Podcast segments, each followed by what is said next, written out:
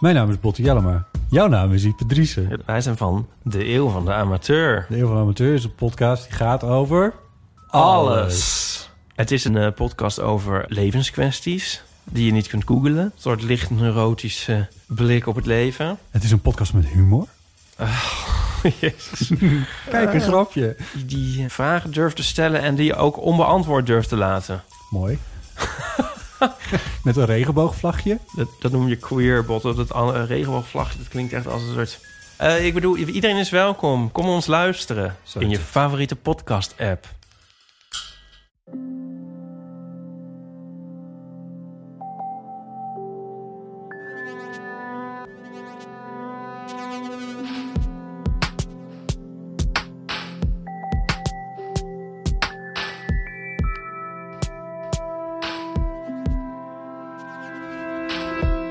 Hey, ik ben Pieter van Relaas.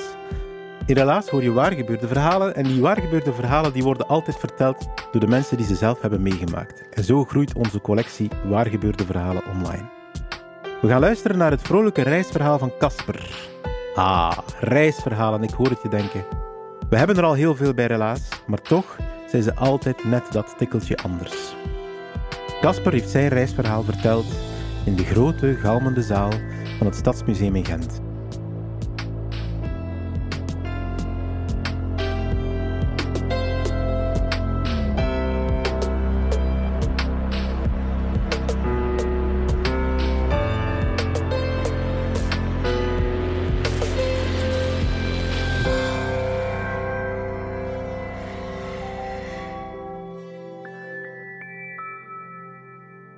Het is mei en het is super zweterig weer, zwoel.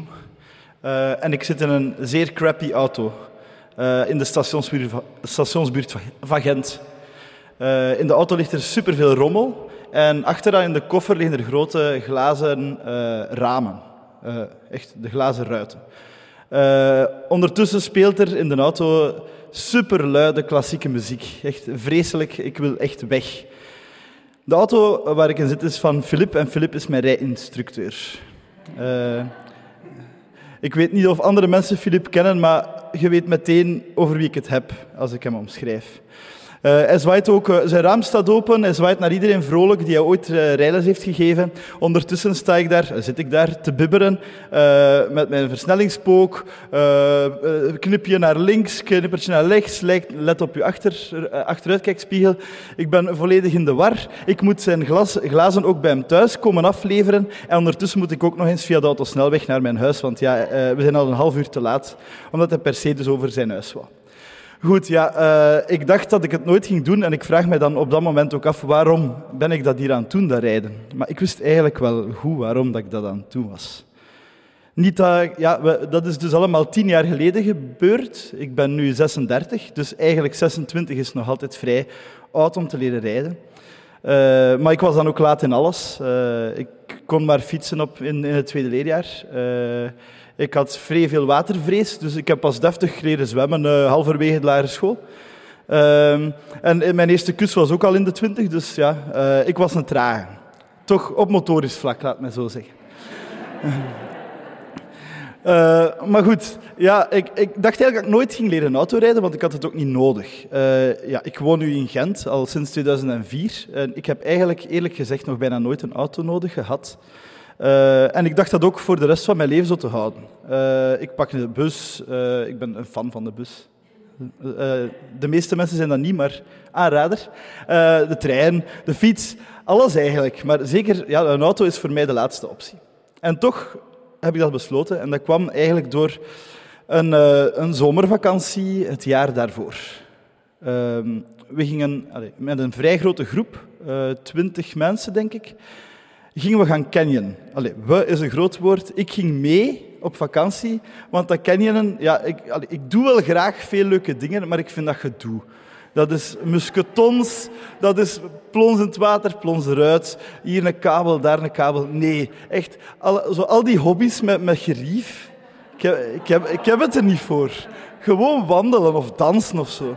Maar toch niet, ja, al, al, al die uitrusting. Goed, dus ik ging wel mee voor de, voor de fun, maar zeker niet om te canyonen. Eh, dus ik was deel van de fouriers. Eh, wat dat ook een beetje gedoe is, maar dan kun je tenminste gezellig babbelen, droog, eh, al ajuinen snijdend, met een paar andere mensen.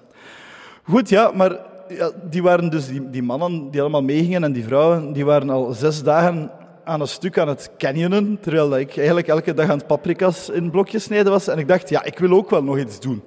Dus op de vrije dag eh, had ik een eh, wandelroute uitgestippeld. Ja, ik ga wat meer info geven waar het was. Het, is, eh, het was in de Canyon de Añisclo. Misschien zegt iemand dat iets. Dat is de Spaanse kant van de Pyreneeën. En ik had daar een stafkaart van. Ik heb meestal een stafkaart van, want ik vind dat leuk om stafkaarten te hebben. En, ik vind dat makkelijk. Ja, mensen teren nu op hun Google Maps, maar die stafkaart heb je altijd. Dat is leuk. Papier.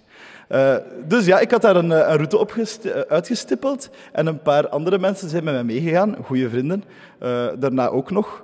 Ehm, dus het kan toch niet zo slecht afgelopen zijn wat ik je nu ga vertellen. Ehm, dus wij gingen naar de Canyon de Anilsclo een wandelingetje maken. Het was topweer, iedereen in t-shirt en kleedje. Ehm, dus het, was, het beloofde een perfecte dag te worden. Terwijl de andere canyoners aan het uitblazen waren eh, aan- hun tent, gingen wij eindelijk eens op avontuur.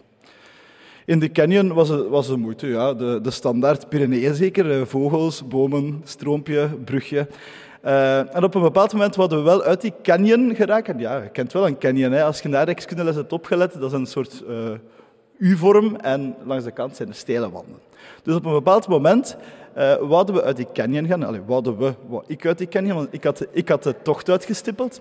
Eh, dus we stappen, we wandelen, of klauteren uit die canyon via een heel klein, krakkemikkerig baantje, tot we eindelijk uit die canyon geraakt zijn. Tof, eh, vergezichten, bergen, heel hoog, fantastisch. Maar eh, achter ons zagen we dan plots wel een gigantische, zwarte, pikzwarte wolk, die nogal snel dichterbij kwam. Geen probleem, dacht ik. Op de stafkaart eh toonde ik van, kijk, eh wegske, gewoon een beetje verder. We kunnen daar weer naar beneden en via de canyon terug naar waar we vertrokken waren. Dus eh, we wandelden daar naartoe, terwijl het onweer ons langzaamaan aan het inhalen was, eh, tot bleek dat dat pad ingestort was.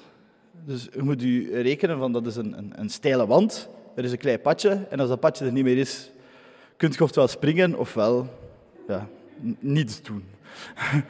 Dus gelukkig had ik mijn stafkaart bij, dus ik zag, ah, er zijn nog alternatieve routes, maar die alternatieve route was eigenlijk nog een tiental kilometer verder. Geen probleem, als dat onweer maar niet komt, eh fikse wandeling, we halen dat wel. Maar toen begon het dus wel te onweren. En dat was exact op het moment dat we op het hoogste punt van de streek waren. En eh, er waren al een paar bliksempjes in de verte gekomen. Eh, maar plotseling sloeg er wel een bliksem ja, redelijk dicht bij ons in. En ik weet dat dat heel dicht was, omdat ik als kind, toen ik in de tuin was, een keer... Ja, ik was in de tuin aan het spelen en plotseling sloeg er een bliksem naar naast me in. En je voelt dat op voorhand al zo zinderen. Zo. Dat komt op. Je voelt dat echt zo wat tintelen. En als dat echt ingeslagen is, voelt je zo wat door, elkaar geschud. En dat was weer zo. Ik dacht van, we zitten hier wel iets te dicht bij dat onweer. We moeten echt wel verder gaan. Dus laag blijven, zo laag mogelijk bij de grond. Eh, niet naast alleenstaande bomen gaan staan. Eh, maar er waren geen alleenstaande bomen, dat was een kale berg. En dan nog het hoogste stuk ervan. Eh, en ook als je stil moet staan, moet je benen zo ver mogelijk uit elkaar zetten. Dan kan de, dan kan de bliksem je zeker niet raken. Ja, goed, oké. Eh, wij klauteren daar verder. verder oké, dat is goed, de bliksem is weg. Phew. Maar toen begon het is super hard te regenen. En zoals verteld hadden wij onze zomerse plunje aan. Dus het begon wel redelijk koud te worden. Dus we moesten wel een oplossing vinden om te schuilen. Want eh, zoals in Tenero gezegd werd, als die nog lang zal duren, gaat rap gedaan zijn. Dus ehm, ik zag in de verte gelukkig er eens een wit bord staan. En ik dacht, aha, info. Terwijl, ja, ik wist wel, ik heb mijn stafkaart, de meeste info heb ik, maar je kunt nooit te weinig info hebben. Dus ik loop naar dat bord, eh, uitzinnig van plezier, van daar gaat iets interessants op staan. Maar het rare is, dat bord staat van mij afgericht, dus, dus, dus met de rug naar mij, terwijl dat er achter dat bord een heel diepe vallei staat. Dus ik denk, wie kan dat bord lezen? Ikke, ik ga naar dat bord. Ik kijk naar dat bord en op de voorkant staat er Parque Nacional. Ja, we waren dus aan de grens van het nationale park. Dat was niet echt niet goede info om te hebben op die moment. Dus ja, uh, blijven, blijven strompelen tot we in een schapenschuur komen. En eindelijk daar uh, konden we wat schuilen. Maar dan hebben we eigenlijk gewoon gewacht tot iemand ontvangst had. Dus ja, stafkaart, handig, maar op die moment zijn, is de moderne technologie wel handig, want zover gingen we echt niet meer kunnen stappen. Uh, want weinig kleren waren volledig onderkoeld. Dus ja, uh, ik bellen naar iemand die uh, gezellig nog op een niet beonweerd stuk in de Pyreneeën zat, namelijk iemand die niet aan het canyonen was, Roel. En Roel had een auto en kon ons voor een stuk komen halen. Ja, voor een stuk. We zitten in het midden van de bergen, die baan reikt niet tot daar natuurlijk. Maar ik had op de stafkaart gezien dat er nog een klein hobbelig baantje was, tot, tot een beetje in de buurt. Dus ik dacht, Roel, kun jij ons komen halen? we zien er niet meer zitten om hier weg te geraken. En hij, oh ja, oké, ja, ja, dat is goed, we komen af. Een half uur later, ik denk niet dat we veel tegen elkaar gesproken hebben, ondertussen gewoon naar de grond kijken, zien we in de verte die een auto afkomen. En wij, yes, we zijn gered, hoera, joepie, jolijt, plezier. Uh, maar ja, de mensen die ons kwamen ophalen, Roel en Joxie, die kijken echt van, jongens, deze hier, deze hier meent echt niet. Hè. Wat doen er nu? Ah, wat, een, beetje een vlieg, eh, wat een beetje een helikopter gepakt. Hè. Echt wat voor zevers met dat nu. Oké, okay, ja, bedankt om ons te redden. Ja, blijkt dat die, dat die rit daarheen toch niet zo, uh, niet zo vlot ging, want uh, ze hadden een sarcofaag op hun dak. Zo'n sarcofaag om te gaan skiën, je kent dat wel. Zo. Een oversized, ja... Ik vraag me af waarom mensen dat nog extra nodig hebben. Als ze, ze hebben een koffer. Zwat, auto's, hè. Um, maar goed, ja, de sarcofaag was weg. Onderweg. Dus die, die baan was zo hobbelig dat hij er afgehobbeld was en ze waren niet kwijt. En, dus, ja, en we rijden terug en ik zeg van, alleen merci om te komen halen. Ja, we moeten de sarcofaag nog vinden. Oké, okay, ja, goed. Uh, lang verhaal, ik ga het, lang, ik het stuk wat inkorten, maar uh, het kwam erop neer dat we dan op het einde in de, aan de camping zijn geraakt, uh, zonder sarcofaag. Die zijn de volgende dag ergens moeten gaan zoeken. Uh, uh, maar dat blijkt dat Roel, die eigenlijk in de energiesector werkt, zei van onnozelaars. Allee, hij, praat Antwerps, dus hij zo, onnozelaars. Ehm, je moet je benen niet openen, je moet je dus toedoen. Super gevaarlijk wat je gedaan hebt. Oké dan. En sindsdien dacht ik, um, ja, ik, volgende, ik ga moeten leren rijden, want ik moet dit kunnen terugdoen aan, jullie. En elke keer als ik dan zo nu uh, aan de auto waag, wat ik nog altijd niet graag doe, dan moet ik altijd terugdenken aan, uh, aan Roel met zijn sarcofaag die ons is komen redden.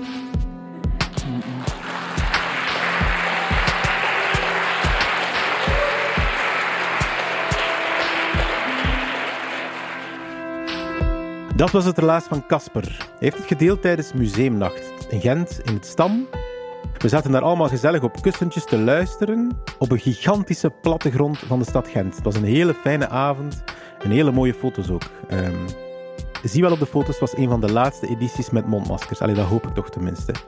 Je ziet het terug op de foto's, die vind je terug op onze Facebook en Instagram. Ze zijn van Bert Potvliegen. De Relaas Vertelavonden zijn er dankzij de steun van de dienst Cultuur van de stad Gent. we hebben ook werkingen in Gent, Brugge en Antwerpen.